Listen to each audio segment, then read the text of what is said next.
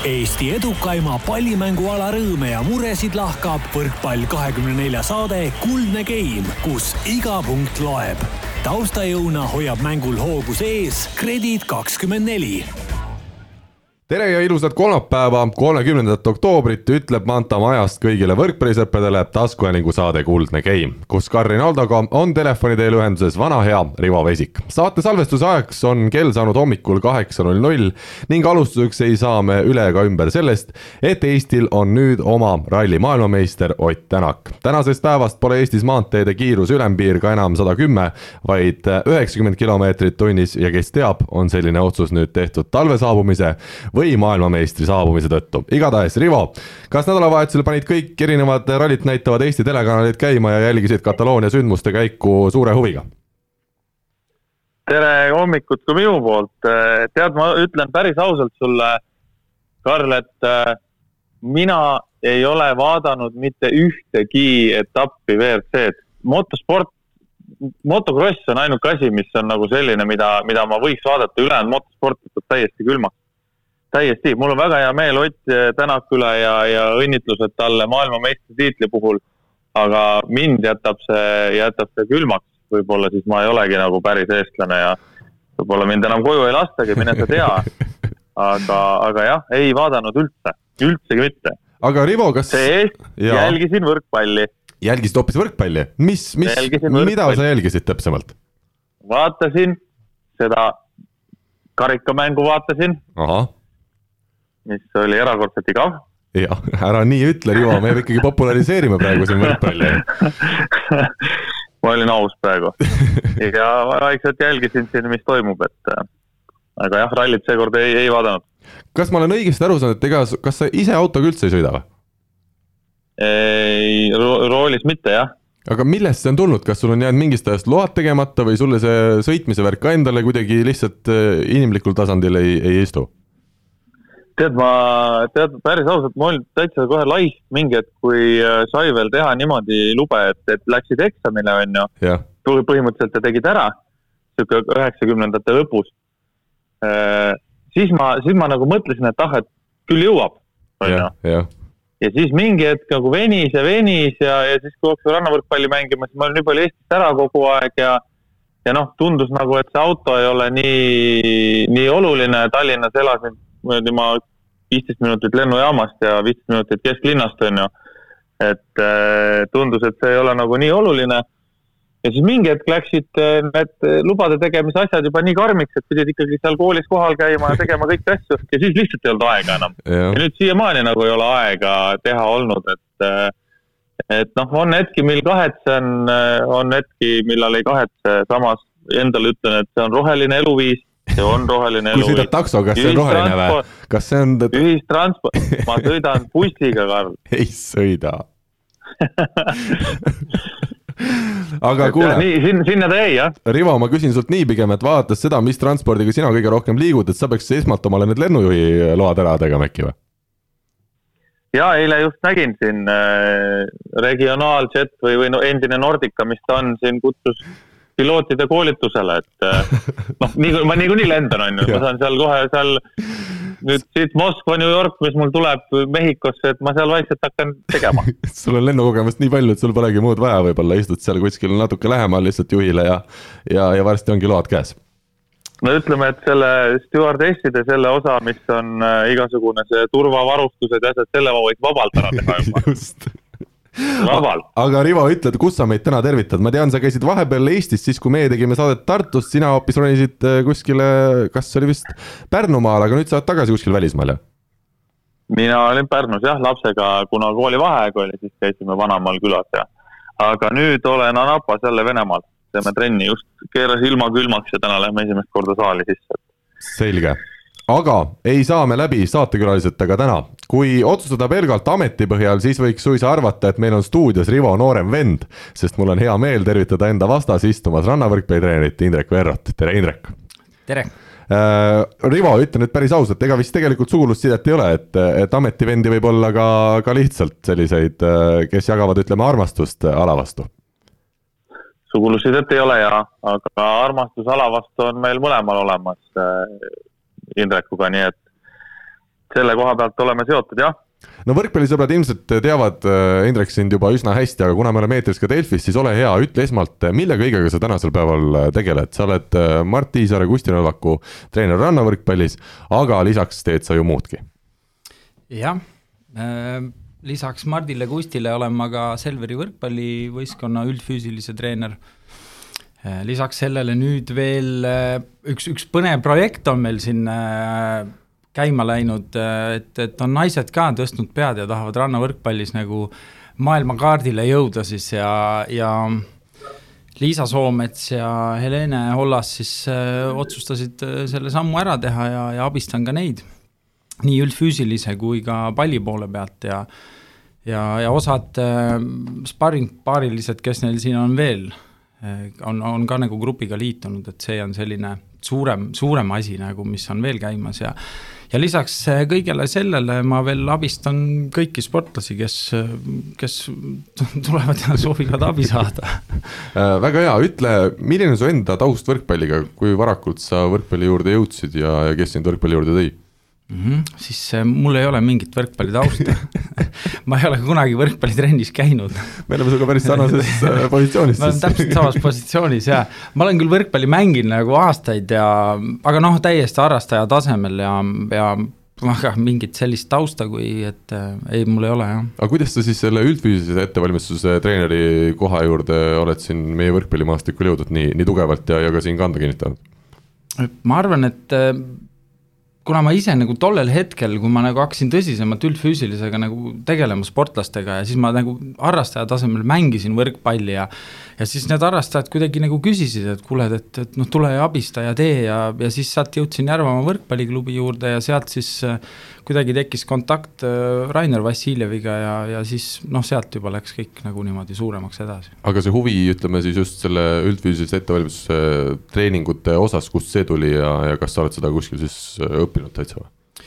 jah, jah, ma, ma olen ametilt olnud treener nagu terve elu, ma ei tea, üks viisteist, kuusteist aastat äkki või ja, ja see huvi on nagu kogu aeg olemas olnud ja mul on niisugune natukene võib-olla üldiselt ka niisugune haiglane huvi nagu inimese kui toimimise vastu üldse, et noh, mitte ainult üldfüüsiline, et ma, ma ennast üldfüüsilise treeneriks küll nagu ka ise nimetan, aga, aga, aga tegelikkuses ma õpetan inimest proovin õpetada inimest kui tervikut.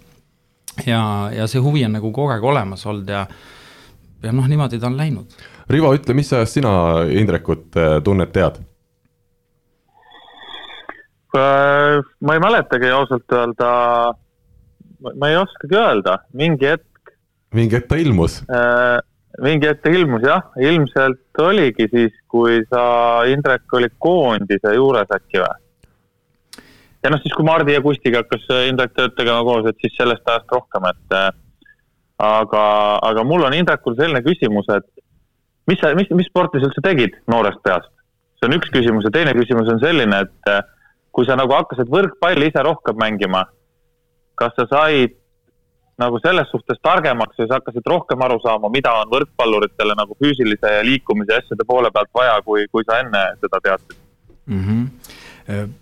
jah, ma olen terve, või ütleme niimoodi, et enamus ajast oma elust olen ma tegelenud tegelikult üldse tantsimisega et, et, siin ma olen isegi Karl Rinaldoga sattunud ühele samale tantsukursusele täiesti uskumatu.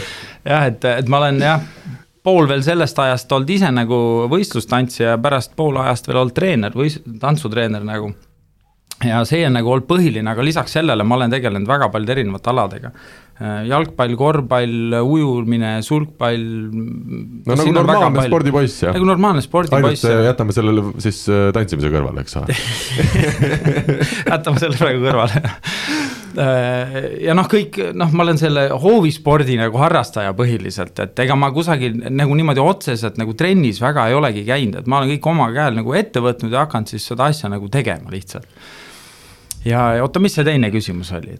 Rivo et kui palju, kui palju ah. nagu see, et sa oled hakanud ise võrkpalli mängima, on, on nagu sind õpetanud või sa oled nagu rohkem aru saanud, et mis on võrkpallurite jaoks tähtsam, mis on vähetähtsam, nii edasi, nii edasi, nii edasi mm? -hmm, see on väga hea küsimus, see on, see on praegu on väga huvitav moment mul nagu Mardi ja Kustiga, mis ma olen avastanud, mis ma olen nagu trenni sisse pannud, on see, et ma teen nendega koos trenni ja, ja ma avastasin selle juures niisuguse hästi huvitava asja, mitte just läbi selle, et, et kuidas mina nagu, kui ma noh, trennis ennast liigutan, et kuidas see kanda nagu üldfüüsilisse, et see arendab ka ja, ja see mind ka palju aidanud, aga aga ma avastasin selle, et nendega koos trenni tehes äh, avastab ülipalju selliseid väga peeneid nüansse.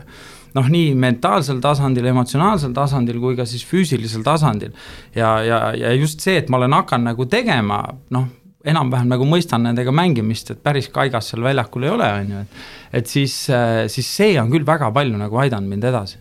Kas äh, tantsimine on ka kuidagi, ütleme, andnud sulle midagi juurde just sellest tulevaseks äh, eluks, sest, sest tegelikult tantsus on ju päris palju ka selliseid spordile iseloomulikke jooni. Jaa, tantsimine on kindlasti andnud väga, väga hea nagu keha kasutamise võimalus, sest üldfüüsiline põhineb tegelikult ju sellel, kuidas sa oma füüsilist keha õpid nagu kasutama ja, ja ma väga tihti panen äh, igasuguseid selliseid äh, natukene siuksed, noh, ei saa öelda nagu tantsulisi, aga selliseid noh, vähe teistsuguseid soojendusliigutusi ja teistsuguseid harjutusi ja ja, ja just selle koordinatsiooni ja kõige selle pärast, sest võrkpall on hästi rütmiline mäng ja seal on koordinatsioon ja see rütmitaju ja see on hästi oluline. Ja aga noh, meestel tavaliselt, kes tõstavad sada kakskümmend kilo rinnale see rütm nagu on puudu, on ju, ja, ja, ja see tegelikult aitab päris palju kaasa, jah no enne veel, kui me sinuga Bachata tantsukursustele jõudsime koos äh, Indrek Juhuse tahtel, siis, äh, siis minul on küll huvitav lugu rääkida sellest, kuidas mina Indrekuga tuttavaks sain. me leppisime Tallinna Selveri treeneriga Rainer Vassiljeviga siis umbes kolm-neli aastat tagasi kokku, et et teeme ühe sellise eksperimendiloo Eesti Päevalehte ja, ja vaatame, kuidas ajakirjanik siis nädal aega Selveriga treenides hakkama saab ja esimese trenni mina läksin kohale, mina olin aru saanud, et äh, Rainer oli andnud siis äh, Indrekule sellised juhised, et tuleb, tuleb selline ajakirjanik ja, ja teeb sealt loo, et ära liiga palju tema peale keskendu, et las ta olla seal kuskil nurgas. aga lähen mina kohale ja tuli välja, et Indrek, mida siis sinule Rainer oli öelnud äh, enne seda jõusaali treeningu algust? no Rainer ütles väga konkreetselt, et kuule, et meil tuleb üks uus välismängija Portugalist, noh, et Rinaldo on nimi, no vaatasin nimi ja Portugal, jah, väga tore, et Portugalist ka veel, et et väga vahva, et vaatame, mis mees on, et, et Rainer väga nagu usaldas mind või noh, usaldab siiamaani ilmselt ja ja et, et noh, saadab mehe trenni, et vaata üle, anna oma hinnang nagu, kuidas ta on ja nii edasi ja ja siis vaatan, et tuleb, ega mina ka nagu alguses Rinaldot niimoodi ei tundnud, vaatasin, et on jah üks pikk ja kuna, kuna sa näed nagu füüsiliselt hea välja ka, ega noh, sa oled ikkagi spordimees, on ju. et siis, siis see oli sihuke korralik nali alguses mulle, aga ikkagi mingi hetk said aru, ma saan aru, et. ei no ma sain aru, kui sa hakkasid eesti keeles sain aru, portugaalane eesti keele, korra tegelikult käis nagu läbi, mõtlesin oot-oot-oot, midagi on siin valesti. Nii et selline nagu võrkpallipalli kätte võttis, said aru, et ei, see kurat ei ole õige asi. Just, just, just. aga mina pean küll Indrekut ka tänama, ma olen teda ka varem tänanud, et tänu sellele, et ma sinna Selveri treeningutele juhuslikult siis ühte lugu tegema sattusin, see nädal, mis me pidime koos treenima, kujunes siis lõpuks vist umbes kuu aja pikkuseks pikkuseks ja tänu sellele ma olen ikkagi tänaseni teinud sedasi süstemaatilisemalt jälle trenni, nii et äh, igas trennis enne trenni algust mina põlvitan ja, ja tänan jälle Indrekut. Nii et aitäh sulle, Indrek, selle eest. ja nüüd tuleme ikkagi tähtsamate teemade juurde, esiteks äh, natukene ikkagi naljateemal jätkates, nii. Rivo, väga põnev, me kuuleme selliseid hääli, et me anname sulle sõna vahepeal, kuhu sa nüüd oled seal Venemaal sattunud? Ma olen äh, ikka siin, kus ma olen alati, aga siit käivad inimesed kahjuks läbi, et ega mul siin mingit väga ruumi ei ole. toas internetti ei ole ja, ja siis ma pean siin hotelli fuajees olema, aga, aga ega neid see ei häiri, kui keegi telefoniga räägib, et äh, nemad elavad oma elu edasi selge, aga tuleme siis natukene selle Indreku põhitöö juurde ja mis meid Rivoga täna huvitab, on kindlasti see, kuidas üks üldfüüsilise ettevalmistuse treener oma treeninguid läbi viib, mis on selle peamised sellised äh, huvitavad momendid selle töö juures. ja ma alustaks äh, täna sellega, et mis on esimesed märksõnad, mis sina sportlaste puhul nii-öelda täheldad, kui nemad trenni tulevad, millele sa kõige rohkem rõhku pöörad ja, ja mis on sellised äh, jah, esimesed sellised äh, asjad, mida sa vaatad äh,? Minu töö võib-olla, noh, see sõna jälle üldfüüsilise treener, eks ta viitab nagu sellele, et ma treenin nagu seda üldfüüsist, aga mu töö tegelikult põhineb hoopis vastupidisel asjal. et esimene asi, mida ma nagu hindan ja, ja proovin nagu analüüsida, aru saada inimese puhul, on tegelikkuses just tema nagu psüühika. tema see mentaalne ja, ja, ja siis see emotsionaalne tasand ja sellepärast, et äh, need on nagu kaks tasandit, mis lõpuks väljenduvad siis füüsilisel tasandil. et kui ma näen, et, et seal on nagu asjad niimoodi, siis ma tean, mida ma nagu pean füüsilisel tasandil nagu tegema, et, et, et see inimene kokkuvõttes on ikkagi nagu tervik, et me ei saa vaadata nagu eraldi, et mina olen nagu üldfüüsilise treener ja siis on pallitreener, sest me ikkagi treenime inimest kui sellist, eks. ja, ja need esimesed asjad võib-olla ma arvan, sealt tavaliselt nagu hakkavadki kooruma. Ja, ja viimasel ajal noh, ma, ma esitan nagu tavaliselt kaks küsimust äh, inimestele, kes nagu, nagu trenni tulevad, et et, et üks on see, et, et kui sa ennast liigutad, et miks sa siis liigutad ja teine küsimus on, kuidas sa ennast tegelikult üldse liigutad. Jah, ja noh, need on võib-olla esmapilgul tunduvad niisugused nagu lihtsad küsimused, aga, aga noh, nendele vastust ma siiamaani pole saanud, et ja. ja need on ka tegelikult küsimused, mida ma endale kogu aeg esitan ja et, et minna nagu rohkem süvitsi ja süvitsi, et tegelikult mõista nagu, kustkohast need kõik asjad nagu tulevad. kas võib siis öelda ikkagi seda, et see mentaalne pool mõjutabki väga palju ka seda, mis inimene suudab palliväljakul teha, mida ta suudab jõusaalis teha, et, et kõigepealt peab olema peas asjad korras jah, see vastab täitsa tõele, et, ähm, et see mentaalne pool ähm, mõjutab hästi palju, et see mõjutab omakorda mingeid veel emotsioone ja see omakorda siis kogu seda sooritust. aga see tee nagu, mida meie nagu Mardi ja Kustiga näiteks käime, et äh, see on just pigem see, et meie ülesanne on nagu mitte mõelda mängu ajal, jah, et äh, toimida täielikult nagu impulsside ja, ja taotluste näol, et äh, et just lülitada mõtted välja ja, ja vahepeal, kui tõesti on näiteks time out midagi, sul on vaja nagu mõelda mingid asjad nagu selgeks, siis on vaja need asjad nagu läbi käia. Aga soorituse ajal äh, me ikkagi proovime nagu mõtted välja lülitada täiesti. et intuitiivselt lahendada olukordi? just, väga hea sõna, intuitiivselt eks me ikka üritame siin selliseid natukene jah, võrkpalliinimesi ka oma sõnavaraga kindlasti täiendada. Rivo, kas sina oled sarnast äh, asja täheldanud, no me oleme tegelikult saates rääkinud, et eks samamoodi on ju sinul see äh, mentaalne pool oma hoolealuste äh, juhendamisel äärmiselt oluline samuti no rannavõrkpall on üldse äärmiselt mentaalne mäng, et siin, kui sa suudad ühe vastasmängija ära murda just peal, sest füüsiliselt on kõik tugevad, siin, siin füüsilises suurt vahet ei ole, ma arvan, ja ja kui sa suudad vastase peas ära murda, siis sa võidad selle mängu rahulikult. et läheb punkt punktiks, kui mõlemad suudavad hoida ennast äh, nagu mentaalselt tugevad.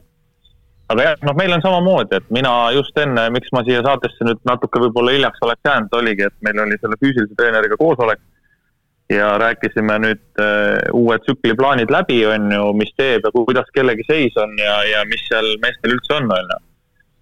ja, ja noh, nii on, et see, need kaks, kaks poolt käivad koos ja rannavõrkpallis ei ole ei vahetusi, mitte midagi, et on mentaalselt hästi, hästi kõva mäng. Aga Indrek, küsimus sulle, kas sina ei ole mõelnud sellist asja, et äh, näiteks me, me, mina olen proovinud, ma olen mängijate peal teinud sama asja, et põhimõtteliselt on minu mõte sama, et mängija ei peaks väljakul mõtlema, sest nad kipuvad üle mõtlema. ja nad, nad, viivad ennast ise auku mingitel hetkedel. et kui on time out, siis meie oleme teinud nii, et mängijale on paberi peale kirjutatud mingid asjad, mis talle tuletavad mingeid situatsioone meelde. Nad võtavad selle paberi, loevad läbi ja nad ei, nad, nad mingite oma mingite ulmemõtete peale ei mõtlegi. kas ja. te ei ole mõelnud proovida sellist asja või, või midagi, midagi taolist teha?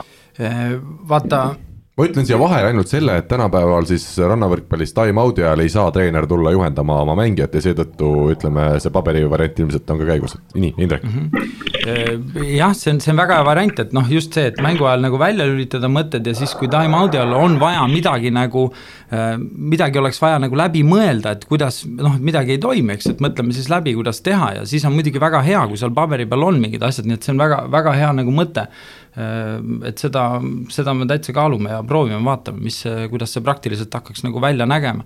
aga, aga tihtipeale nagu me oleme proovinud nagu just veel time-out'i all tegelikkuses ka nagu mõtted välja lülitada, et, et mitte lasta üldse nagu segada, et et lasta pigem sellele intuitsioonil tulla, vaata kuna meie ti-, meie tiim ei ole niivõrd võimas, nagu on seal Rivo juures, et meil ei ole statistikuid ja meil ei ole võimalik nagu teha sellist analüüsi, et panna niisuguseid väga täpseid asju nagu kirja, siis me peame kasutama nagu natuke natukene võib-olla mingisuguseid teisi variante.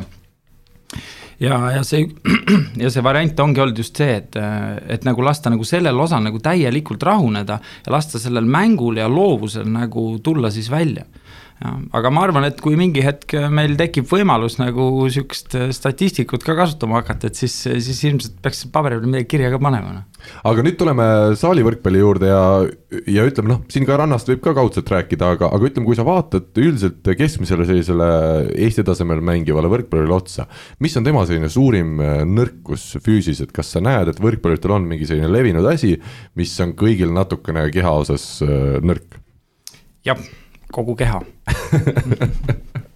okei okay,, päris, päris niimoodi see ei ole, ma arvan, et see nõrk külg ongi see, et, et enamus, see, see isegi võib-olla ei kehti ainult võrkpallurite puhul, et äh, ei osata kasutada oma keha. et okei okay,, et ma suudan tõsta või teha kükki seal saja kuuekümne kiloga aga, aga millegipärast nagu väljakul see nagu ei, ei avaldu, ei midagi, avaldu mitte kuidagi jah, see näitab seda, et me ei suuda seda üle kanda, me ei suuda tegelikult sellest mitte mingit kasu nagu lõigata. ja see vahelink, vot see ongi see, mis on nagu noh, enamusel puudu mm. -hmm. no paljusid võrkpallisõpru, ma usun, kes seda saadet ka kuulavad, huvitabki just see, et mis on need võrkpalluri eriharjutused, millele tuleks tähelepanu pöörata, kas sina oskad siin midagi sellist välja tuua, just öeldagi, et näed, sügav kükk aeglaselt ei ole väga kasulik, et mis sa sellega teed, et pigem tee mingeid selliseid kerge kangiga üleshüppeid või on sul midagi sellist võrkpallisõpradele soovitada siin täna?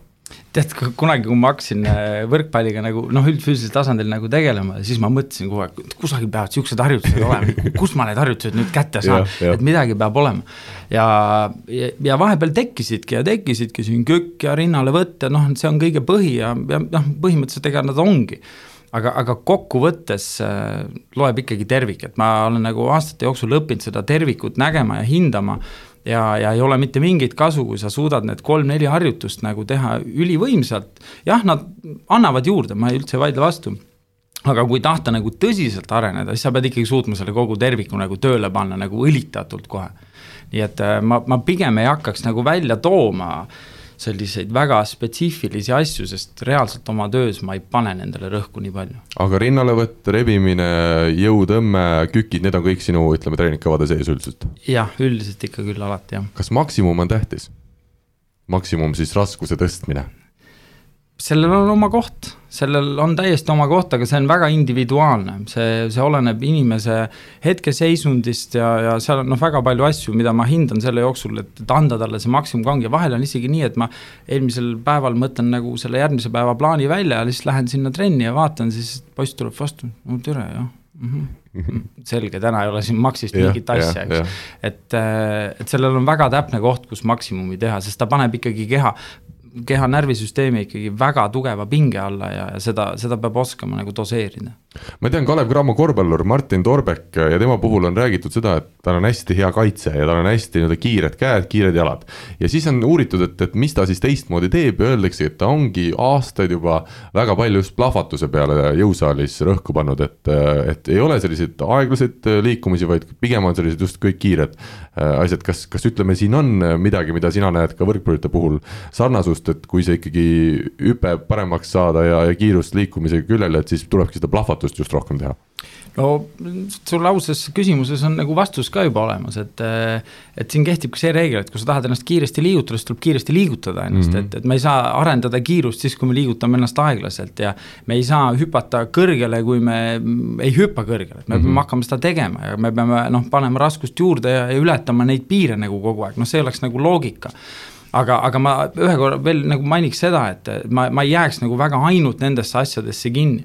sest et kui üks pool nagu areneb väga võimsalt edasi ja teist poolt me ei aita järgi, siis tegelikkuses kogu see terviklik areng nagu kannatab selle all et, et pigem ikkagi aidata nagu kõike kaasa ja panna rõhku siis mingi periood mingisugustele muudele näitajatele kas õlg on kõige suurem probleem, mis on sportlaste või võrkpallurite puhul, et kui ikkagi trenni tullakse, siis pooled mehed on üldiselt äh, parem käsi või ütleme, löögikäsi on, õlg on valus või? jah. ongi nii, jah? vastab tõele, põlv, põlv, õlg, selg, noh, need on niisugused klassikalised asjad, aga need on küll, jah, jah. aga kuidas nendega siis tegeleda, palju, kas see tähendab, et sa pead jõusaalis väga palju muutma neid äh, treeningkavasid äh, ja tegema siis vastavalt just igaühele, mis tänasel päeval ei valuta selle järgi? Ehm, ma üldiselt proovin ise alati hästi personaalselt läheneda, isegi kui mul on kaksteist meest trennis, siis ma hästi personaalselt proovin läheneda äh, kõikidele kogu aeg, hinnates siis nende hetkeolukorda ja aga noh, see põhiprobleem tegelikkuses, noh, me jõuame jälle sinna minu tantsutausta tagasi. Rüht. Rüht, just, et äh, tegelikult see liikuvus, liikuvus, liigeste liikuvus ja stabiilsus liigestes, liigestes, see on see põhiprobleem. ja ma näen, kustkohast see peale hakkab, see hakkab peale tegelikult juba noorteklassides, sest seal noh, seda, seda väga ei esine ja, ja siis äh, tulevadki need vanemas eas mehed või, või poisid juba minu juurde ja, ja noh, nende liikuvus on ikka täitsa nagu Pinocchio jah, nii et ütleme, tööd, tööd, mille kallal teha, on ikkagi meeletut, aga annab nendest meestest veel teha selliseid liikuvamaid? muidugi annab, muidugi annab, ei, ma ei ole näinud ühtegi inimest või kes on, kes on nagu minu juurde tulnud, et ma nagu vaataks, ütleks, et ei, et ära, ära tule. et, et see, sihukest asja tegelikkuses ei eksisteeri. et küsimus on ainult selles tahtejõus, mida inimene on nagu nõus sinna sisse panema kui ma seda näen, siis, siis ma ei näe nagu piire tegelikkuses. põhiline on just see, et seda tahtejõudu ei ole nii palju, et, et tahetakse nagu saada, et noh, küll jah, küll see siis ise hakkab mulle tuleb, külge, aga no ei hakka midagi siin külge niisama. sa ütlesid ka väga hästi, et sa küsid sportlaste käest ikka, et, et kuidas see olukord tol päeval on ja vaatad otsa, ma mäletan, kui mina sinna trenni Selverisse tulin, mina mõtlesin tõesti, et ma olen ajakirjanik, ma hoian madalat profiili, et ma väga treenerit ei tülita, et ma arvan, et seal on vähe tähtsamad mehed, kes seda tähelepanu väärivad, aga siis mingi hetk tuli nagu välja, et kui me seal mingi mingit harjutust tegime, et mul noh, selg oli aastaid juba olnud väga kehvas seisus. ja, ja millegi, noh, sellepärast ma ei saanud mingeid asju väga suure raskusega teha ja ma mäletan, Indrek, see oli ainus kord, kui sina olid natuke pahane, ütlesid. kuule, miks sa ei öelnud mulle, et, et sina võtsid ikkagi, nagu sa ütled, sa võtad iga inimest äh, päris personaalselt ja, ja kui inimene on trennis, siis sul ei olnud väga vahet, kas ta on tippsportlane või mitte, sina tahtsid teda paremaks teha ja, ja see seljast rääkimine oleks olnud minu puhul selline must be loomulikult, loomulikult, ma olen üldiselt sihuke hästi aus, et ma ütlen kõik ja. asjad kohe välja, nii nagu ma näen, nii ma ka ütlen, et vahel võib-olla mõni saab haiget natukene, aga. aga, aga noh, ma, ma ütlen pigem nagu ausalt välja, sinu puhul oligi just see jah, et, et sihukeseid asju nagu varjata nagu ei tohiks mitte mingil juhul, kui kuhugile trenni minna. et kõik tuleb nagu välja rääkida, et, et ma panen tihti tähele just noorte sportlaste puhul sama asja et, et trennis ollakse, hoitakse, siis ma nagu vaatan, näen, et nagu midagi on nagu ja lähen küsin, et, et kuule, et kus sul seal miski on, ei, mul ei ole midagi.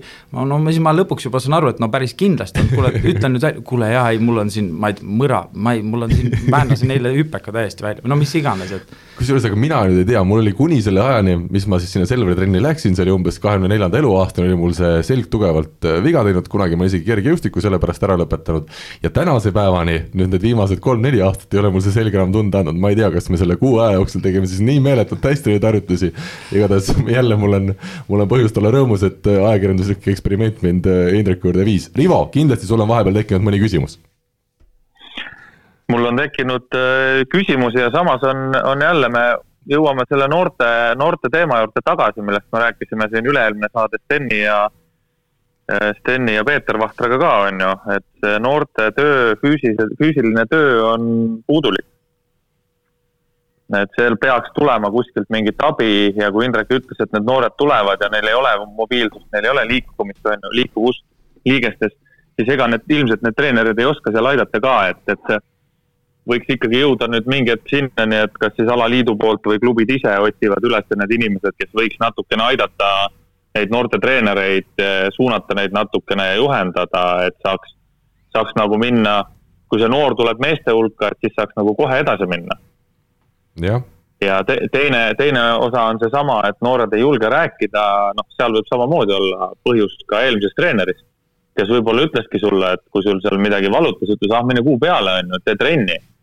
et mm -hmm. võib ka olla põhjus seal, et nad ei julge tulla nagu rääkima sellest, et mul on see ja mul on see ja mul on see või siis arvatakse, et kui ma tulen rääkima, et siis ma virisen ja vingun ja, ja siis ma olen nõrk või mis iganes, eks ju mm. -hmm. et need, need pooled tuleks, kui need pooled saaks ka enam-vähem korda, siis ma arvan, et noorteklassidest tulevad mängijad oleks eh, kordades paremas vormis ja kordades paremas seisus, kui, kui nad on täna. sest nagu ma olen ka ennem öelnud, et, eh, et need poisid, kui, kui mina Audenteses esiliigat mängisin veel, need poisid, kes sinna tulid, siis eh, ikkagi Audentese treenerid ütlesid, et me alustame nullist füüsilise ettevalmistusega. et, äh, et ei ole midagi ja, ja tehnikad ja kõik asjad on valed, et äh, ja juba on mingid asjad valutavad meestel, et. et see on üks koht, kuhu, kuhu võiks nagu, võiks nagu vaadata. Ja füüsilise trenni poole pealt, äh, kui sa küsisid, et kas on mingid võrkpallurite harjutused, on ju, siis mm -hmm. ilmselt Indrekul on täiesti õigus, et mingeid võrkpallurite harjutusi ei ole, mida nagu keegi teine ei tee. aga noh, meie näiteks pöörame hästi palju tähelepanu sellele, et kui hästi palju nagu siis äh, kompenseerivatel asjadel on ju, et kui meil on selline trenn, kus tüübid hüppavad hästi palju ja, ja ründavad hästi palju, et siis äh,, siis me paneme rõhku rohkem õla tagaosale on ju jõusaalis ja, ja tagareiele, et hakkaks äh, noh, esireis üle lihtsalt ei tõmbaks ja, ja õla esimene pool ja rinnalihased, mis seal kõik töötavad, on ju.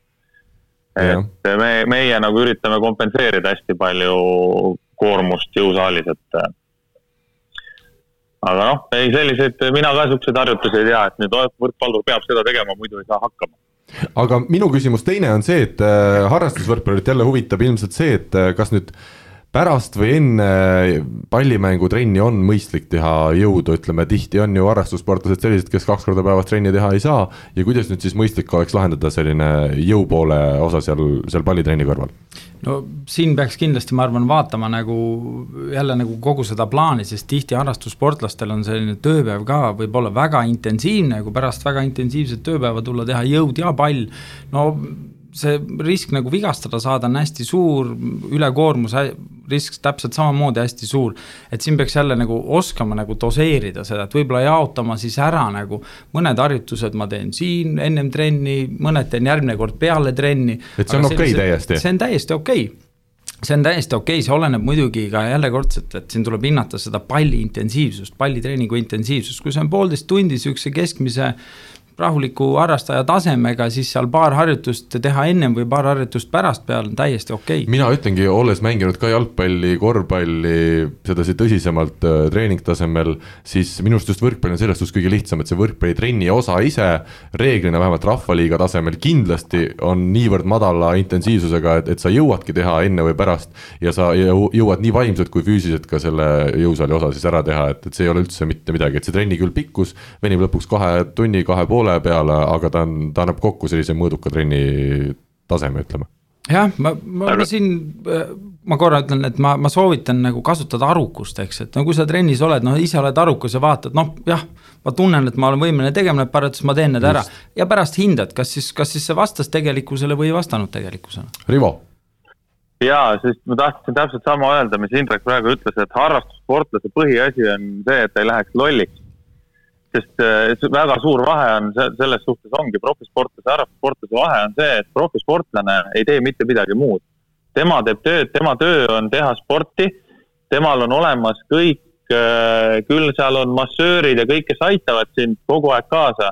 harrastussportlasel seda ei ole, kui sa istudki kaheksa tundi äh, arvuti taga, siis lähed, teed kaks tundi trenni ja kütad sinna tund aega jõusaali peale, siis nagu Indrek ütles, et see vigastuse oht on väga suur Mm -hmm. et pigem mõelda läbi normaalselt, mida te teete ja milleks te seda teete. kas sul on tõesti reaalselt vaja seda, et sa nüüd paned kuus korda nädalas trenni, siis põlved, seljad, õlad ja kõik asjad valutavad. aga et noh, ma, ma siin teen ja siis mõtle nagu, mille jaoks seda teed mm. -hmm. kas sa teed seda selle jaoks, et äh, tulla kuskil mingisugune, jõuda kuhugile kõrgemale, kas sa teed seda selle jaoks, et sa tahad näiteks, ma ei tea kasvõi suvel mängida Eesti rannavalle etappe ja võita seal medalid, on ju. kas sa teed seda puhtalt enda jaoks? kui, kui, kui inimene teeb enda jaoks sporti, siis see peaks olema selline spordi tegemine, vähemalt minule, peaks olema selline spordi tegemine, et sa ei ärka hommikul ülesse ja sa ei lonka kööki kohvi tegema või, või mingit teed tegema, vaid, vaid sa saad nagu normaalselt elada ja ei tõsta seda teetassi pärast kahe käega, sest parem õlg on valus mm. -hmm. et seal minu, minu jaoks peaks olema nagu mingisugune eesmärk ja kui sul ongi see eesmärk on seatud kõrge ja kui sa tunned, et sa pead seda tegema, sa tahad sinna jõuda, sul on mingisugune asi, noh, nagu inimesed jooksevad maratone, on ju, nad teevad trenni selle jaoks, et joosta maraton mm. -hmm. Neil on eesmärk olemas, aga kui sa lihtsalt lõhud ennast, siis andke andeks, harrastussportlased, aga minu jaoks on see puhas lollus täiesti nõus, enesetunde kuulamine on tõesti, ma olen ka aru saanud, et kui sa ikka pärast äh, pallitrenni oled väga väsinud, siis ilmselt see, et sa vägisi teed seal kõvasti kangi peale, see ei tule sulle mitte mingis mõttes kasuks. kindlasti mitte aga selle Rivo noorte teema lõpetuseks lihtsalt üks remark, Balti matšis nädalavahetusel peeti ja kui meie vanemad vanuseklassid U kaheksateist noormehed ja U seitseteist neiud tulid sealt tagasi kuldmedalitega, siis meie need nii-öelda nooremad poisid, U kuusteist, jäid siis sellel Balti matšil nii äh, lätlaste, leedulaste kui ka valgevenelaste selja taha ja ilmselt seal ka natukene avaldub see, et tõesti need, vähemalt see peale tulev nüüd see viimane põlvkond, et seal justkui on päris palju neid puudujääke nii siis üldfüüsilise osas kui ka palliteenituse või palli siis treeningute osas, aga kuna me oleme juba üle poole tunni siin rääkinud, siis vahele võtame küsimusmängu. küsimusmängu toetaja on teamshield.com oma disainiga spordi ja vaba aja riided ja eelmisel nädalal sai siis uuritud seonduvalt meie toonaste saatekülalistega, et milline on Alar Rikbergi ja Hendrik Rikandi parim ühine rahvusvaheline saavutus spordiplatsil. Indrek, kas sina oskad siin midagi üldse välja pakkuda? ei oska. Rivo, sina oled kindlasti suurem asjatundja Nad on Indiaka maailmameistrid. see on täiesti õige vastus, huvitav, et selle sõna Indiaka isegi kõva häälega meil siin eetris julgesid täna Rivo välja öelda. täpselt nii, kaks tuhat neli aastal ja kui ma nüüd õigesti aru sain, siis segavõistkondade seas sai see maailmameistritiitel võidetud. ja meil oli seitse inimest, kes teadsid seda suurepärast fakti. ja Indrek, annan sulle nüüd võimaluse ühest seitsmeni üks ilus number öelda. viis. viis, äh, Martin Tooming palju õnne, sinule siis võrkpallilegendide erilahendusega särk seekord läheb ja selleks, et see kätte saada, siis, äh, siis jälgi võrkpalli kahekümne nelja lehekülge ja, ja seal seda küsimusmängu rubriiki aga. sa saad ju, Karl, Karl, sa saad ju panna sinna Indiaka asemele piiksu on ju pärast. ja, ja, ja, ja siis, kui tekst ja kui tekstis, tekstist kirjutan seda, siis panen lihtsalt need tärnid sinna aga ja. Uue nädala küsimus on äh, seekord siis äh, väga lihtne ja küsime seda, et äh, Indrek Verro möödunud suvel mängis ühel Eesti karikavõistluste etapil kaasa koos ühe Eesti rannavoole koondislasega. ja meie küsime, kes oli see mees, kellega koos Indrek mängis ja mitmes koht teeniti kõik vastused saab saata info, et võrkpalli kakskümmend neli punkt ee ja võrkpalli kahekümne nelja Facebooki lehe sõnumitesse, meie läheme siit aga edasi. aeg on välja selgitada nädala tegija no nii, Rivo, nädala tegija rubriik, ma ei tea, kas sa oled vaadanud, aga, aga kes, kes tuli meil nädala tegijaks, kes valiti võrkpalligrupis Facebookis, oled sa kursis? Äh, kusjuures ei olegi vist selle nädala omaga kursis. Äh, oota, las ma pakun, kas meil oli seal äkki nii ei, ma ei paku isegi. ära paku jah. ma, ma, ma täna ei paku. Taavet Lepik oli eelmine nädal on ju. Taavet Lepik oli eelmine nädal, see nädal ei olnud Taavet ja. Lepik, see nädal oli Ott Tänak viiekümne äärega oh juudas küll, natuke tõmmatakse üle selle asjaga, kulla sõbrad. siin osad inimesed kirjutavad, et läbi aegade kõige tulem Eesti, kõige kõvem Eesti spordi tulemus, no kuidas saab võrrelda ühte MM-i tiitlit teise MM-i tiitliga, no see on ju jabur. ja ei saagi. Ja näed, Ott Tänak on meil nädala te-, aga mis me teeme, rahvas on ju, meil on demokraatlik riik, Rivo, ega me ei saa, me oleme siin küll päris diktatuuris seadnud nagu oma saates, aga no ei saa midagi teha, kui inimesed hääletavad Oti poolt, siis hääletavad noh. ei no väga hea, väga hea. Aga. hääletame, ma olen, mina olen nõus sa oled täitsa nõus. nii, aga teine koht siis ja võrkpalluritest parim koht sel nädalal Oliver Venno neljakümne kaheksa häälega, ütleme nii, et ega Oliver ikkagi, Oliver ongi Oliver. Türgi liiga superkarikas, Istanbuli Galatasaray, kus siis venna oma karjääri jätkab ka tänavusel hooajal, võitis kolm ka kaks Fenerbahce't ja meie mees kakskümmend kaks punkti pluss üksteist, no diagonaalründaja kohta kakskümmend kaks punkti viiekümnelises mängus veel midagi supererilist ei ole, aga aga see, et ta väljakul oli ja see, et meeskond võitis, see näitab ikkagi, et, et Venno on sellises vormis, nagu ta ilmselt oli eelmise hooaja, siis klubi hooaja sees, et ta on natuke seda füüsilist paremaks saanud ja, ja jätkab sealt, kus ta pooleli jäi, Rivo, kuidas sulle tundub? Jah, ja, ja, jällegi see, seesama minus tekitas ta nii palju küsimusi, mis on seotud EM-iga, aga las need küsimused jäävad sinna, kus nad on ja, ja las see EM jääb ka sinna, kus ta on, et eh, Olku alustas jälle normaalselt, nii nagu ta, nii nagu ta oskab mängida ja, ja näitas, et ta on ikkagi maailmatasemel võrkpallur selge see ja Oliver Lüütsepp, Mart Naaber siis Aga Volle meeskonna peatreener ja temporündaja said viisteist häält, nemad on juba peaaegu meil iga nädal siin top kolmes. ja möödunud nädalal siis võideti muide sellist meeskonda nagu Karelia Hurmost, see on siis Karjala võistkond ja, ja Rivo, kas sina tead, kes on selle Karjala meeskonna peatreener? Aegar Spirsulis, muidugi tean. täpselt nii, täpselt nii. kontaktis. no näed, ja sind ei ole veel Soomes sinna võistkondade peatreeneriks kutsutud? ei ole ma ei oska soome keelt. aga mis sa Pirsulise kohta ütled, nii nagu mina saan aru, tema on siis Martin Splavintsi ja Janis Smedenitsi viinud kahe tuhande kaheteistkümnendal aastal Londoni olümpial pronksile eh, nojah, nii ja naa, et ta oli ametlikult seal eh, treenerina kirjas, et tegelikult ju Šmedin töötas rohkem koos juba siis Samoilovsiga enne seda. see vanemas Samoilovsiga, aga jah, jah, tema oli, oli üks nendest, kes seal tööd tegi nendega, jah. ta on hästi, hästi hea südamega inimene, ma võin nii palju öelda, tal on omad kiiksud nagu meil kõigil, aga ta on hästi hea südamega ja tema mõttemaailm on, on just seesama, et mängijal peab olema peas korras, siis ta teeb tulemuse. ta on hästi hea psühholoog, ta hästi palju räägib mängijatega, hästi palju toetab neid, isegi kui, kui nagu noh, samamoodi, kui, kui, kui tõesti on halvasti midagi, siis ta ütleb otse välja selle mm. -hmm. aga, aga ta, ta ka põhjendab ära või üritab leida vähemalt põhjenduse, miks see nii läks ja kuidas sealt saab edasi. ta ei ütle mängijale, et uh, sa olid nüüd halb ja, ja mine tee trenni, on ju sest see oleks ju puhtalt ka endale tuha pähe raputamine, sest treener ikkagi on see, kes, kes, kes õpetab mängijat. et ta, ta üritab hästi seletada ja ta, ta on hea treener, ta mulle väga meeldib, aga kas sa tead, mis mees oli äh, see Kaptulin üldsegi, see, kes seal vigastada sai, esimese tempo mees, lätlane? see on ka rannavõrkpalliga tegelenud, ma tean nii on, aga ta hakkas rannavõrkpalli mängima kolm aastat tagasi ja nii. mis mees ta ennem oli, kas sa tead seda? enne äh, rahvustantsi, aa, no ma arvan, et ta on ikka suusataja, millega muuga üks äh, võrkpallur tegeleb kui suusatamisega. Õige. Indrek mul näitas, ma ütlen, ma ütlen kõigile kuulajatele, Rivole ka, kes meil on kaugel liini peal, et väga hästi praegu Indrek demonstreeris mulle paari tõukeid siin ja, ja selle pealt ma sain aru, et see on suusatamine no muidugi, Indrek on ju, sina oled temaga kokku puutunud seal maailmakarika etappidel on ju. jah, ja, ja no see suusatamise osa, see paistab ta mängus kohe välja ka paarist tõugetega läheb lööma selge. jah, laskesuusataja tüüp jah. laskesuusataja lausa jah? laskesuusataja jah. siis on natukene ohtlik ka ikkagi. no kui vaadata tema laskesuusatamise tulemusi, siis väga ei ole ma just mõtlesin, et kui ta väga täpselt seda märki laskesuusatajana ei tabanud, et siis ongi ohtlikum, et ta võib igale poole lasta aa, seda, selles mõttes, no vot seda ma juba ei tea, jah. aga isiklikult ma lisaks siia veel, lisaks siis Agale, Agale ja meie meestele, kes siis olid kolmanda koha teenijad siin nädala tegija rubriigis äh,. Agal siis kuus võitu, kaks kaotust praegu Soome liigas ja neljandal kohal ja täitsa seal esimestega väga, väga lähestik ollakse.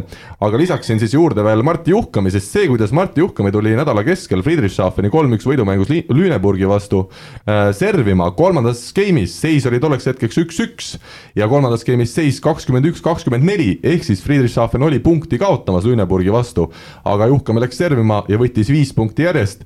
Nendest viiest siis kaks olid veel ässad ka, nii et kakskümmend kuus, kakskümmend neli game'i võit Friedrichshafenile ja lõpuks võideti ka see neljas game ja, ja kokku mäng kolm-üks. et äh, Rivo, sina kindlasti selliseid serviseeriad, kus viis servi järjest oleks saanud servida, ega need äh, jalad maas planeeriv palling, mis sul oli, need vist äh, nii palju serviseerijaid ei toonud? nii pikki ole, ole nüüd, ikka tõid tõid ikka, jah. sa mõtled saalis või rannas? no ma ei tea, ükskõik kummas. noh, ma olen rannas, ma olen pannud ikkagi üheksateist servi järjest. Uus-Meremaa meistrivõistluste esimeses äh, raundis.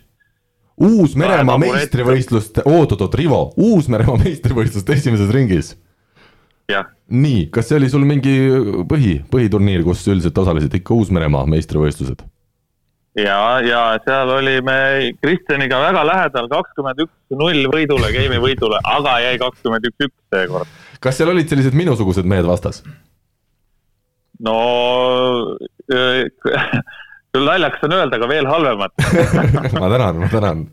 selge, aga ma ei, nüüd mõtlen. noh, ühesõnaga Äh, aga jaa, ei, äh, kõva sõna, väga kõva sõna, see on, see on ikka tase, et ma ei saa rääkida siin sellest, et ma mingi koolivõistlustel kuskil servin, on ju mm. -hmm. et sellisel tasemel panna viis servi järjest on, on väga, väga kõva saavutus. aga jälle vaata, minuni see, see ei jõudnud, kuna noh, Eestisse neid võrkpalli välisuudiseid tuleb nii vähe, et nii palju kui kui see võrkpalli kakskümmend neli seda kajastab, siis nii palju neid jõuab, aga, aga need, need ka kõik ei jõua ju kogu aeg äh, vaatajateni, et võiks ikkagi selliseid asju ja selliseid tulemusi võiks ka suuremad meediakanalid natukene kajastada, on minu arvamus. sada kümme protsenti nõus jah, aga, aga loodame, et see kuidagi vaikselt, see lumepall hakkab, hakkab siin minema nende lumehelbekeste ühiskonna keskel, eks ole, Rivo jah.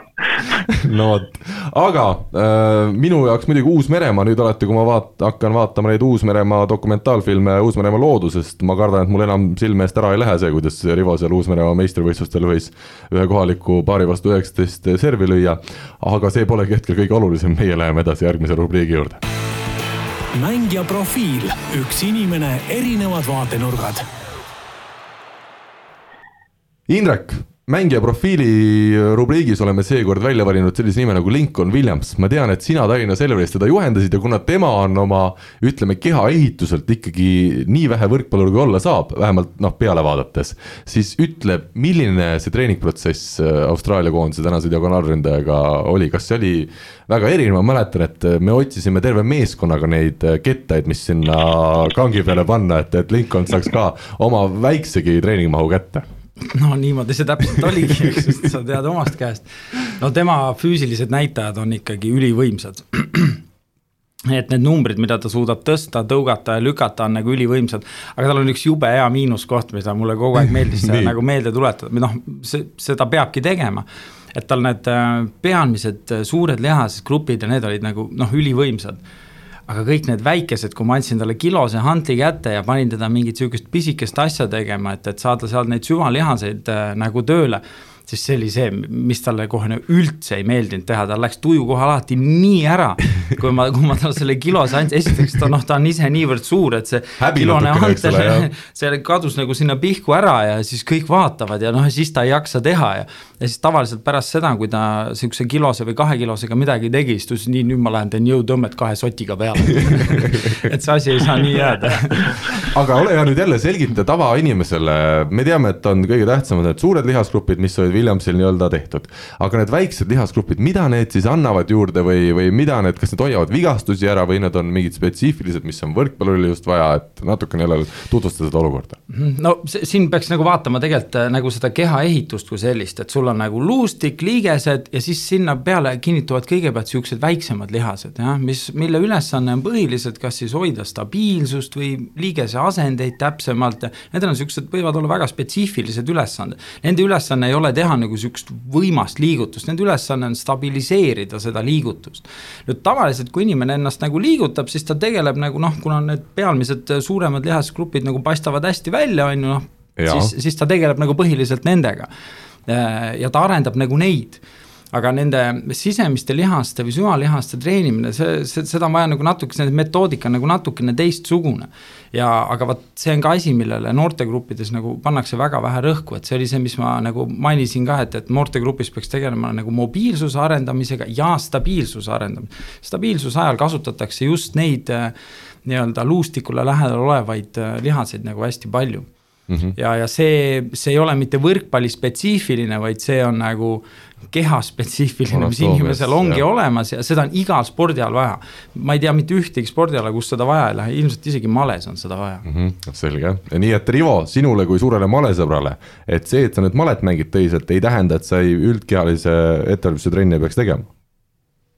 ja ei tähenda jah, äh, sellepärast ongi vaata, on ju olemas suuremad malenupud ja väiksemad malenupud, üks on siis suurtele lihasgruppidele, teine on süvalihastele seal laset. ja mina üldse, mina trenni mõttes aeg-ajalt mängin malet nii, et ma olen plank asetis plangus ja siis tõstan nuppe, see teeb õla tugevamaks natukene ja, ja seda saabki Rivo mängida ainult sinusugune mees, kelle jaoks kõik need malemängud lõpevad sellise minuti ajaga, kui sa selle kaotuse juba kätte saad, siis jõuad seda planku ka minuti hoida, aga kui peaks mängima mitu tundi, siis läks keeruliseks aga tead, Karl, mis minu jaoks on alati, minu jaoks alati see kaotus tuleb üllatavalt. see tuleb alati erineva koha pealt. kas see kaks varianti, kas ma ei mäleta eelmist kaotust või ma olen lihtsalt loll hästi, aga meie tuleme Lincoln Williamsi teema juurde tagasi, ütle, palju ta, kaua ta sinu käe all esmalt treenis? kaks aastat. ja palju ta selle aja jooksul siis edasi läks, inimese, sportlase, kõige muu osas? ma ütlen ausalt, minu jaoks äh, nagu äh, see, kui ma teda alguses nägin, ta oli hästi võimekas, aga tema puhul kehtiski just see reegel, et ta ei osanud ennast juhtida, oma keha nagu juhtida nii, nagu oleks vaja.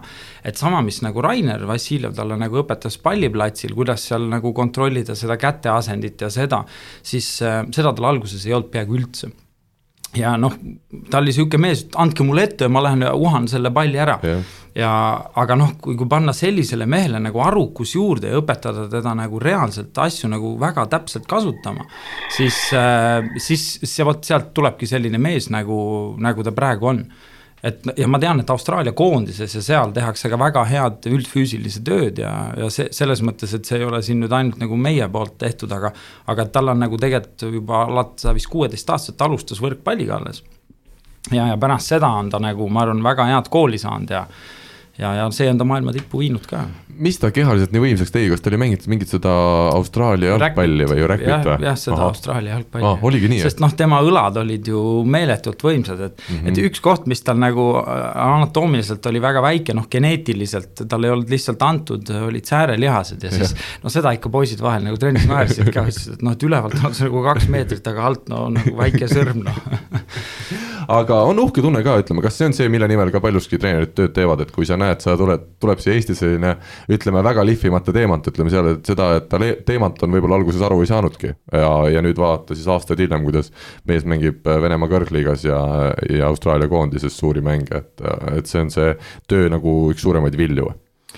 ei ole, ei ole, mind see, kui sina tulid mu trenni, ma nagu proovisin sind aidata, sain su selja korda, ma hindan seda täpselt sama võrdselt nagu seda noh, nagu tema seda saavutust, ega selle on tema teinud. ega, ega mina seda teinud ei ole, mina olen lihtsalt aidanud nagu juhendanud ja, ja ka tema teeb ju selle kõik asja ära. ja ma arvan, et see ongi sportlaste puhul ka üks nagu selliseid asju, millest on nagu väga paljudel raske aru saada, et et ega treener ei tee mängijast mängijat mängija teeb iseendast mängijat, treener saab ainult juhendada, kuidas seda teha. ja hea treener võib-olla leiab need teed vähe paremini ja kiiremini ülesse.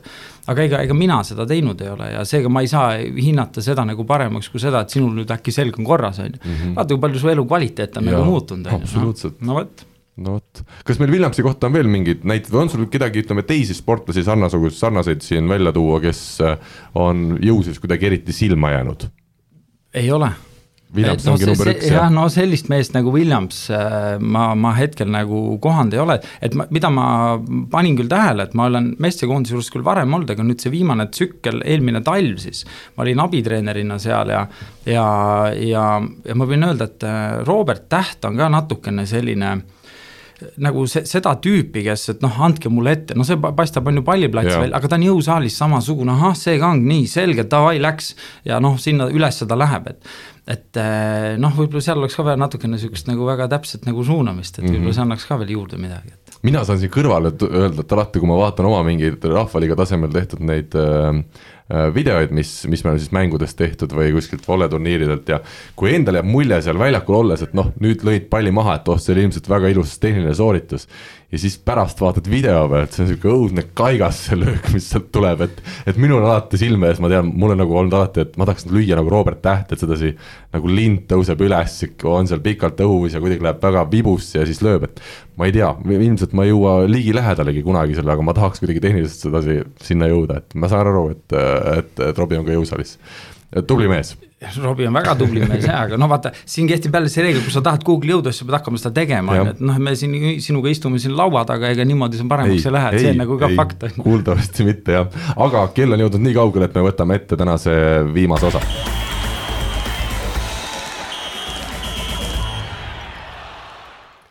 Keit Pupart, Saaremaa võrkpalliklubi, Rivo Vesik, oled sa seal kaugel Venemaal ikkagi uudistega juba kursis, et äh, Keit on kümneaastase pausi järel tagasi kodumaal ja mitte ainult kodumaal, vaid ka kodusaarel?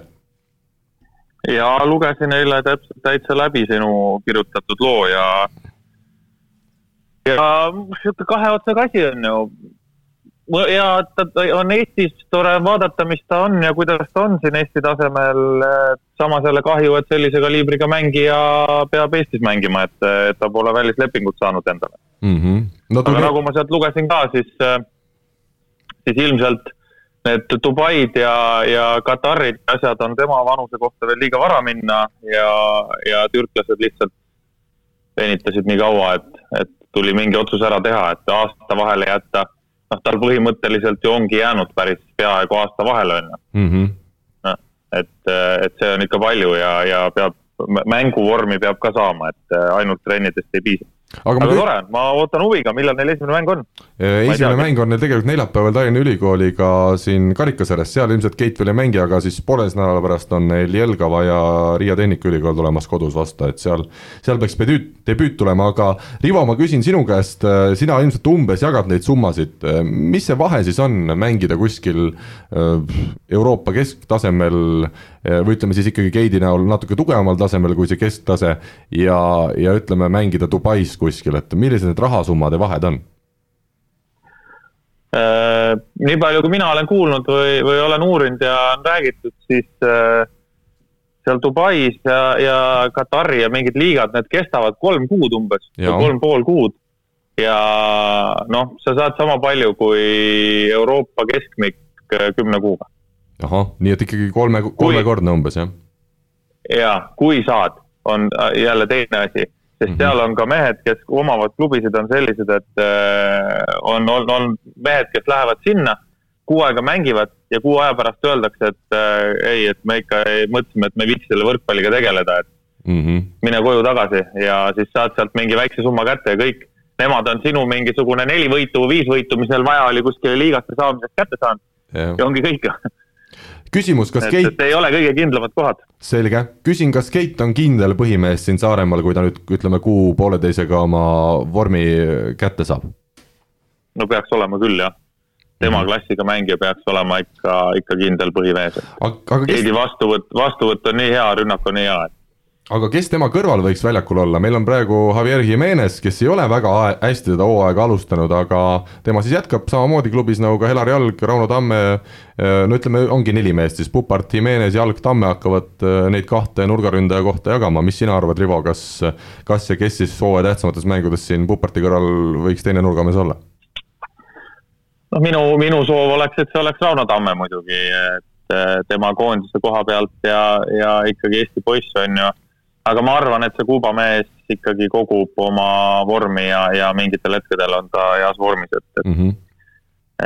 tänase seisuga jätaks Elari ala nagu natukene sinna siis, siis varumeeste, nagu selleks viimaseks varumeheks, aga aga ega Elar ei ole ka kehva mängija, aga mina paneksin täna sinna Pupar, Tamme, siis Kuubakas ja Jalg, niisuguse sellise mm. -hmm. no Elaril on jalg, jalg ukse vahel alati juba, juba puhtalt nime pärast seda küll jah aga, aga noh, Elari, Elari ala üks äh, nõrkusi on ikkagi see, et ta füüsiliselt ei jaksa nii tugevalt terve mäng lüüa, kui on sellel tasemel vaja. See on minu arvamus aga küsin nüüd sinu arvamust ka selle kohta, siin ütlesid nii Hannes Sepp, meeskonna mänedžer, tegevjuht, kui ka Pupart ise, et äh, igas Eesti sarjas tänavusel aastal ikkagi alla esikoha tulemus on altminek ja põrumine. kas nüüd ongi Saaremaa ikkagi komplekteeritavuse poolest nii palju tugevam, et äh, ükskõik, kes siin Pärnu veel juurde saab, üks-kaks meest ja, ja Tartu ja Tallinna Selver ka, kes siin kõrval on, et Saaremaa on ikkagi nii palju komplekteeritavuse poolest üle? no mina nii ei ütleks, eks seda ole näha, kuidas, kuidas see nüüd neil läheb, on ju, sest Pärnule tuli juurde siin üks esimese tempomees, nagu ma aru sain, Venemaalt. siis no. tuleb üks mängija veel, üks mängija veel juurde. siis, kui see brasiillane hakkab mängima, et Pärnu ja pluss need on ju Puul ja, ja siis see lätlane, noored mehed, kui nemad ka saavad nagu normaalsesse vormi, Aavo on treener, kes suudab nad hooaja lõpuks panna mängima mm. -hmm. et noh, ma ei tea see on väga suur küsimus, minu jaoks oleks pidanud juba Saaremaa eelmine aasta kõik ära võitma ja ka üle-eelmine aasta kõik ära võitma mm. -hmm. et äh, siiamaani pole neil see väga õnnestunud. no üle-eelmine aasta, aasta võitsid ikka kõik ju. ja üle-eelmine aasta võitsid jah mm, -hmm. aga eelmine aasta läksid ikka väga-väga halb mm. -hmm. ja kui nad endale see aasta panevad sellised eesmärgid, siis noh, eks ole näha mm, -hmm. kuidas see läheb, sest ega Tartu nüüd ei ole kehva võistkond Selver on näidanud, Selver väga noor võistkond, neil on ainult areneda ülesse mm. -hmm. et Selver on näidanud, et nad suudavad mängida, nad tahavad, ma ei tea, kuidas neil seal mängijatega on, kas nad tahavad juurde kedagi või ei taha, Indrek kindlasti teab seda seisu paremini ja Aga Indrek noogutab, et, Indrek noogutab, et kümme portugallast on tulemas juurde siin lähimal ajal ei, tegelikult vist ei ole, ma saan aru Indreku äh, mitte noogutamisest, et pigem minnakse nendega, kes praegu on. Aga see võistkond, Selver võistkond on väga ohtlik, et nemad on arenevad ainult ülesse praegu selge, aga lõpetuseks, ma tean, et teil on mõlemal juba päris kiire trenni ja ma küsin, Rivo, meil oli siin äh, eelmisel nädalal, kui sind saates ei olnud, ikkagi teemaks ka see meedia küsimus, et palju siis äh, võib äh, meedias noori kiita ja, ja kas on mindud üle piiri. Aavo Keel siin ka hiljuti nüüd ikkagi ütles, et tema see lause, et, et meedia on kurja juur ja et noori on liiga palju kiidetud, et see oli ikkagi huumoriga öeldud. vabandame siis Aavo ees siin eetris ka, aga, aga kuidas sulle, Rivo, tundub, kas ja kui palju neid noori kiitma peaks? Kui on, mille eest kiita, siis tuleb kiita ja meedia näeb asju ühtemoodi, treenerid näevad ühtemoodi, mängijad näevad ühtemoodi, pealtvaatajad, me näeme kõiki neid asju erinevalt mm. -hmm. Teie võib-olla näetegi, meedia näebki nagu hästi pealiskaudselt, samamoodi mina, ega mina ei tea, mis toimub võistkonna sees. ma ei tea, mis toimub trennides. mina ei näe seda, ma näen seda, mis on tulemus. ma võin vaadata seda statistikat, sealt teha omad järeldused, on ju. ja ma, ma võin vaadata seda otsepilti telekast ja vaadata, et noh, näed, et nüüd panigi hästi, eks ju. aga mis tegelikult toimub, kas see nüüd oli tal juhus või, või oli, oli lihtsalt hea päev, kuidas see nagu on, seda meie ei tea, aga mina ei pea sellepärast nagu oma arvamust mitte välja ütlema mm. -hmm. et eh, kui mina ütlen mõne mängija kohta, et jumal küll, et see mängis nii kehvasti ja treener ütleb vastu, ei, ei, see on jumala hea mees, siis need on kaks eri arvamust, mina nägin seda ühte mängu, treener näeb kogu protsessi mm. -hmm. Et minu arust, kui, kui sina arvad, kui arvab ükskõik mis ajakirjanik, on hea, tuli hästi, mängis, see tuleb välja öelda ja mm. treeneri asi on hoida seda mängijat maa peal. treeneri asi on selgitada talle ära, kiita, laita, öeldagi, et noh, näed, et nüüd kõik ajakirjanikud kirjutasid, et sa tegid supermängu, on ju. Tegidki supermängu, meil on väga palju tööd teha, et ära nüüd ära tõuse selle pärast mm. -hmm. et see on nagu treeneri töö, treeneril on hoopis isiklikum lähenemine ja, ja, ja ta näeb neid asju hoopis lähemalt kui meie mm. -hmm. aga, aga ma ütlen veel kord, noori mängijaid pigem tuleb äh, pigem, pigem ikkagi hea saavutuse puhul kiita, mitte öelda seda, et aa, ma ei tea, ükskord siin vaatame nüüd, kurat, kaks järgmist mängu, mis saab, on ju. Mhm. mängis hästi, mängis hästi, tulebki välja öelda, see on jälle minu arvamus ma mõtlen ka samamoodi, et ega mängijad ju niikuinii treeningul peamiselt saavad, ütleme, kriitikat, et treenerid ikka ütlevad, mida paremini teha ja kuidas teha see on ka täiesti arusaadav ja ja loomulik, et ma arvan, et kui meedia kord, ma ei tea, kuus või kahe kuu tagant kedagi noormängijat äh, kiidab, siis, äh, siis see nagu halvasti vist ei, ei, pigem ei tohiks mõjuda, kuidas sul, Indrek, kogemus on? no mina arvan, et siin on küsimus rohkemgi selles, et, äh, et et ongi, et igalühel on nagu oma arvamus, aga see, kes seda arvamust kuulab, see peaks nagu asja nagu, nagu mõistusega võtma. mõistusega arukalt nagu võtma, et, et kui tal endal puudub täielikult arusaam, siis noh, päris kõike uskuma jääda ei olegi mõtet, kui sind huvitab, mine uuri ise välja, mine kirjuta sellele mehele, küsi, kuule, räägi, kuidas sul seis on no?. jah, jah, selge. Rivo, on veel lõpetuseks? teine, teine, jaa, üks, üks pool on veel see, et huvitaval kombel äh, on see nii, et kui sa nagu laidad mängijat, siis sa saad mängija käest vastukaja selle kohta, kuule, miks sa nii ütlesid, onju. aga kui sa kiidad mängijat, siis ei tule seda, et kuule, aitäh, et äh, tõesti, ma tundsin ise ka, et mul tuli hästi välja, et jube äge, et te nagu tähele panete seda. et hästi kihvt. et, et see on ka nagu selline asi, et see võib-olla ongi natuke sellega seotud, mis Indrek ütles, et ega mängija päris täpselt ei saa aru, et miks see toimus aga ta võtab nagu selle pigem vastu, mis temale rohkem meeldib mm. -hmm. kas sina, Rivo, sina ise olid ju ka mängija ja üsna kõrgel tasemel teatavasti, kas sina vahel saatsid ajakirjanikule sõnumi, et kuule, kuule, et jube, jube ilusti ütlesid, et ma tõesti mängisin see turniiri hästi ja sa said ka asjale pihta? Äh, ei, ei saatnud, aga ma aja, ajakirjanike käest ka ei küsinud seda, et miks te nii kirjutate, et ta ütles, et ma halvasti mängisin mm. -hmm. mina üritasin, mina lugesin, ma rääkisin ajakirjanikega nii palju, kui ma rääkisin ja, ja aeg-ajalt lugesin kommentaare, aeg-ajalt jälle ei lugenud kommentaare, et äh, mina võtsin kõike, igasugust kriitikat, võtsin edasiviiva jõuna mm. -hmm. Öeldi, et oled kehva, tähendab, peab muutma midagi, peab teistmoodi trenni tegema, peab rohkem trenni tegema mm. -hmm. Öeldi, et oled hea, oli mõte see, et ma saan, ma suudan saada veel paremaks, et tegelikult nemad ei tea asjast midagi, ma suudan saada veel paremaks no vot, see on õige, et sedasi peaks, peakski kõik mängijad nagu võtma, et, et kasutama seda kuidagi ära siis ja uurima siis, aga kui ma ei olnud hea, aga uuri enda sees, mis siis läks nagu mitte nii hästi ja muuda ära. täpselt, täpselt, tee analüüs ja, ja tee paremini. just ja meie üritame järgmise saate teha veel paremini kui selle, aga mulle tundub küll, et tänu saatekülalistele Rivole ja, ja Indrekule täna kuulajatel oli jälle palju mõnusat teadasaamist, igatahes aitäh teile, mehed, kiirustage nüüd trenni ja meie kohtume kõigi kuulajatega uuesti nädala pärast. kohtume. head aega. Eesti kõige põnevamad podcastid on Delfis, kuula tasku.delfi.ee